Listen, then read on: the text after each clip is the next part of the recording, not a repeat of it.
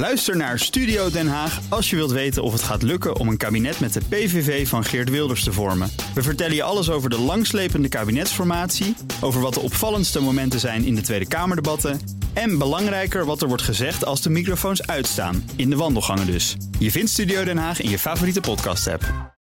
Die nieuwe graandeel zit er voorlopig niet in, weten we sinds gisteren. Want Rusland doet pas uh, water bij de wijn als de exportbeperkingen op Russische landbouwproducten worden opgeheven.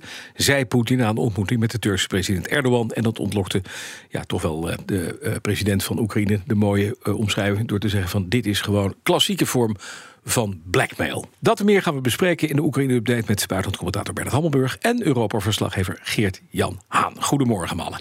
Goedemorgen. Ja. Allereerst eventjes naar dit nieuws wat we vanmorgen kregen. Kim Jong-un zou binnenkort afreizen per gepantserde trein naar Vladivostok... om daar met Poetin te praten uh, over uh, wapendeals. Het leveren van bijvoorbeeld artilleriegranaten en antitankwapens.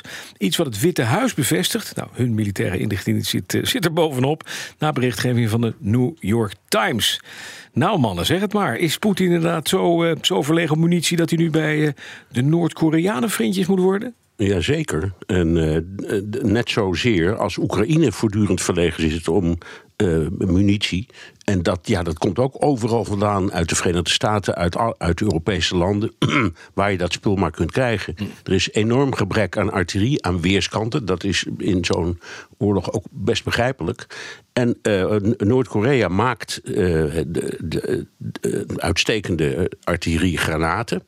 Maar ze willen er ook wat voor terug. Ja. Dat stuk in de New York Times is best interessant hoor. Want er staat: um, Kim Jong-un geeft dat niet weg. Hij wil technologie voor uh, satellieten. Ja.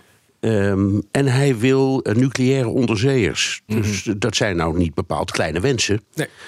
Um, en dan wil hij bovendien ook voor die uh, artillerie de hoofdprijs. Ja. Dus uh, hij, komt, hij, hij, komt best met een koffertje met eisen. Ja. de, de New York Times schrijft trouwens ook...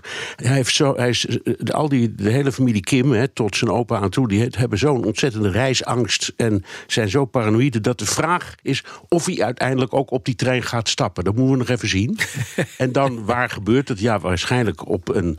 Uh, in Vladivostok. Uh, weten we ook niet helemaal zeker, maar daar zou dan Poetin naartoe komen. Ja, nou, het, het, het zegt wel wat. Het nou zegt... ja, het is, is één dingetje wat je moet. Ja? Het, het is in zoverre interessant. Er, er zijn ooit in de Veiligheidsraad van de Verenigde Naties resoluties aangenomen.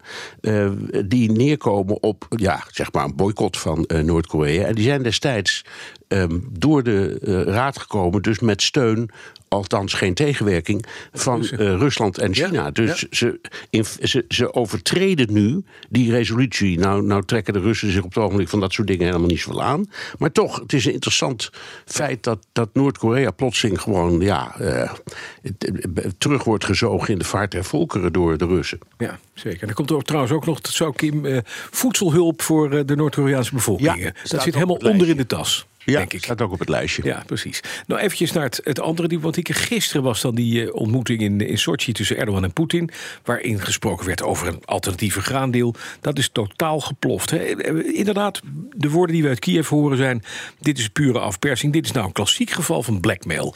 Hoe zie jij dat? Nou, ik, ik neem aan dat uh, Geert-Jan is helemaal gedoken in die reacties. Dus Ja, ja, Daar kan, hij, kan hij van alles over vertellen. Maar wat mij opviel, Mhm. uh, en we hadden het er gisteravond heel laat... hadden we het ook nog over Geert-Jan en ik... is dat het eigenlijk... Um, die persconferentie was zo idioot. Ze, ze, hebben besprekingen, ze gaan samen een persconferentie geven. En Erdogan zegt, nou, ik zie nog allerlei kansen. En Poetin zegt, vergeet het maar zolang het, uh, het Westen niet ingaat... op onze eisen niet vervult. Dus, dus ze stonden tegengestelde dingen te zeggen. Ja. Op de, samen op een persconferentie. Dus ik, ik kon er geen touw aan vastknopen, nee. eerlijk gezegd. Nee, nou, in ieder geval, we kunnen één ding doen. Geen resultaat, Geert-Jan. Maar die reacties uit Oekraïne? Ik heb er alleen nou, één verteld. Is, ja, eh, eh, dat is dus wat er nog eens bij komt, wat eigenlijk ook wel gek is. Want ja. uh, Kiev is woedend, met name op Erdogan. Mm -hmm. Want Erdogan die heeft dus bij die persconferentie gezegd... en ik parafraseer even, dat Oekraïne een toontje lager moet zingen. Ja, ja. Terwijl, um, als we goed kijken naar die graandeal... dan zijn dat twee losse deals, twee partiële deals. Namelijk eentje tussen Oekraïne, de VN en Turkije... en eentje tussen Rusland, de VN en Turkije. Dus in dit geval zegt Erdogan, ja, Oekraïne moet het toontje lager zingen, want anders wil Rusland niet met deze deal akkoord gaan. Maar in feite is het een hele rare deal, want in feite gaat die alleen tussen Turkije, de VN en Rusland. En wat wil Rusland? Wil van sancties af. Maar daar gaat Turkije in feite weer niet over. Want die hebben geen sancties aan Rusland opgelegd. Dat zit in Europa en in Amerika. En Erdogan is als het ware onze gezant die vooruit is gestuurd. Dus het is ook gewoon een hele rare situatie waar we in zitten. Ja, zeker. Nog even iets anders wat een beetje in die zijlijn speelt. Hè. Eh, er wordt, woedt een graanoorlog tussen de Europese Commissie en een aantal lidstaten dat pertinent geen Oekraïns graan wil. En Oekraïne mengt zichzelf nu ook in die strijd, Bernard. Hoe, hoe zit dat? Wat speelt daar? Nou, dat, eh, om, omdat er zoveel problemen zijn over het transport van het graan, zijn er alternatieve routes ontwikkeld. Ja. En die lopen onder andere door een aantal Oost-Europese eh, landen. En die zijn daar heel boos om, want die zeggen: ja, die, die dingen worden als het ware verhandeld via ons. Het gaat om vijf landen. En dat, eh, daardoor dondert de prijs van ons eigen graan eh, compleet in elkaar. Dus het is een soort van valse concurrentie. Ehm, en eh, ze zeggen dus wij, wij weigeren, we doen gewoon niet, niet mee aan eh, dit hele plan en de, dit opgezette transportsysteem door die Oost-Europese landen. Ehm, dat, is, nou ja, dat, dat loopt al een tijdje. En het is natuurlijk krankzinnig dat dat zich binnen de EU afspeelt. ja. Maar wat nog raarder is, is dat Oekraïne nu naar de Wereldhandelsorganisatie dreigt te stappen om, om, om een procedure te beginnen tegen die landen. Dat is helemaal grappig. Ja, om- Vind je niet? af te Eh, dwingen. Ja. Nou ja, maar de EU, op, op, de EU is de EU, dus er zijn altijd 27 verschillende opvattingen. Maar die EU doet toch haar best, net als Amerika, om die Oekraïners zoveel mogelijk Te helpen, helpen. ja. En dan krijgen ze gezegd een proces aan hun. Eh, Dat is precies. echt heel apart. Ja, dat is het zeker, ja. Eh, nog eventjes naar het volgende verhaal. Alexander de Croo, de premier van België, laat weten dat België toch maar geen F-16's gaat afstaan vanwege de deplorabele kwaliteit. Eh, zijn die dingen gewoon zo slecht of komt dat door de Belgen? Ehm, die dingen zijn eh, waarschijnlijk in, in het Belgische geval. Nee, ze zijn niet slecht, maar ze zijn wel 35 of 40 jaar Oud, oud. En ja. dan krijg je het haarscheurtje en zo. En daar kun je allemaal wat aan doen hoor. Je kunt dat repareren en oplappen. Eh, en dat hebben de Belgen ook gedaan. Dus ik weet niet of het zo erg is als ze zeggen. Eh, maar goed, de Kroo zegt: ik ga geen vliegtuigen leveren die we zelf niet goed genoeg meer vinden en vervangen. Ehm, de vraag, dat roept meteen de vraag op: is hoe zit het dan met de Nederlandse F-16's? Daar ben ik even, even een beetje ingedoken. Ja. Ehm, en ehm, Geert Jan stuurde nog een heel interessant verhaal van de VRT. Die is er ook ingedoken. Die zegt: die, die, een groot deel van die Nederlandse F-16's staan klaar op het vliegveld van Charleroi in België. Om te worden, die zijn nog goed genoeg. Ja, ja precies. Eh, geen ja. Ja, ja, en ik, ik had gisteren ook nog een heel gesprek met Pieter Koblenz. Die is ook helemaal gedoken in hoe zit het eigenlijk met onze F-16's. Ja. En hij hoort van zijn bronnen eh, dat die dingen goed genoeg zijn. Nog. Die kunnen nog best een tijdje mee en je kunt ze behoorlijk oplappen. Ja, de Belgen hebben toch wel met haarschuren. Hè? Hebben ze ook in hun, eh, in hun eh, kernreactoren. Wij hebben dat niet. Eh, Geert-Jan, even naar die- de Belgische luitenant-generaal... die in het artikel van Bernard wordt geciteerd... die zegt dat België wel een hele hoop andere bruikbare spullen stuurt naar Oekraïne.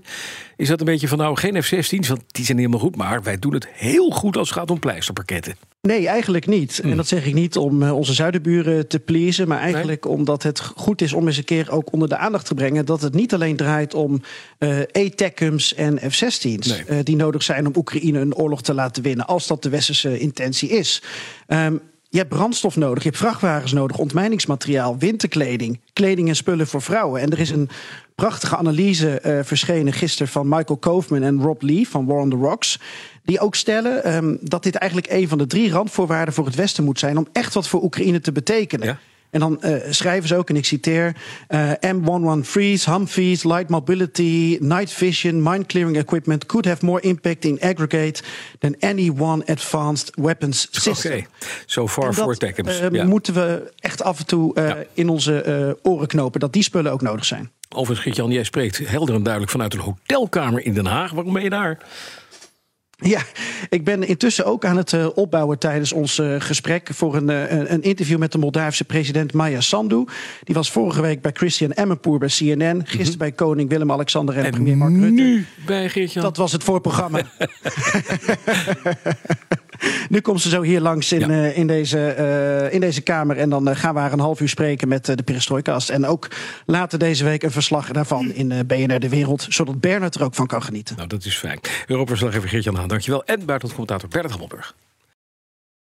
Ook Thomas van Zeil vind je in de BNR-app. Je kunt live naar mij luisteren in Zaken doen. De BNR-app met breaking news. Het laatste zakelijke nieuws. En je vindt er alle BNR-podcasts. Bijvoorbeeld Het Nieuwe Geld. Download nu de gratis BNR-app en blijf scherp.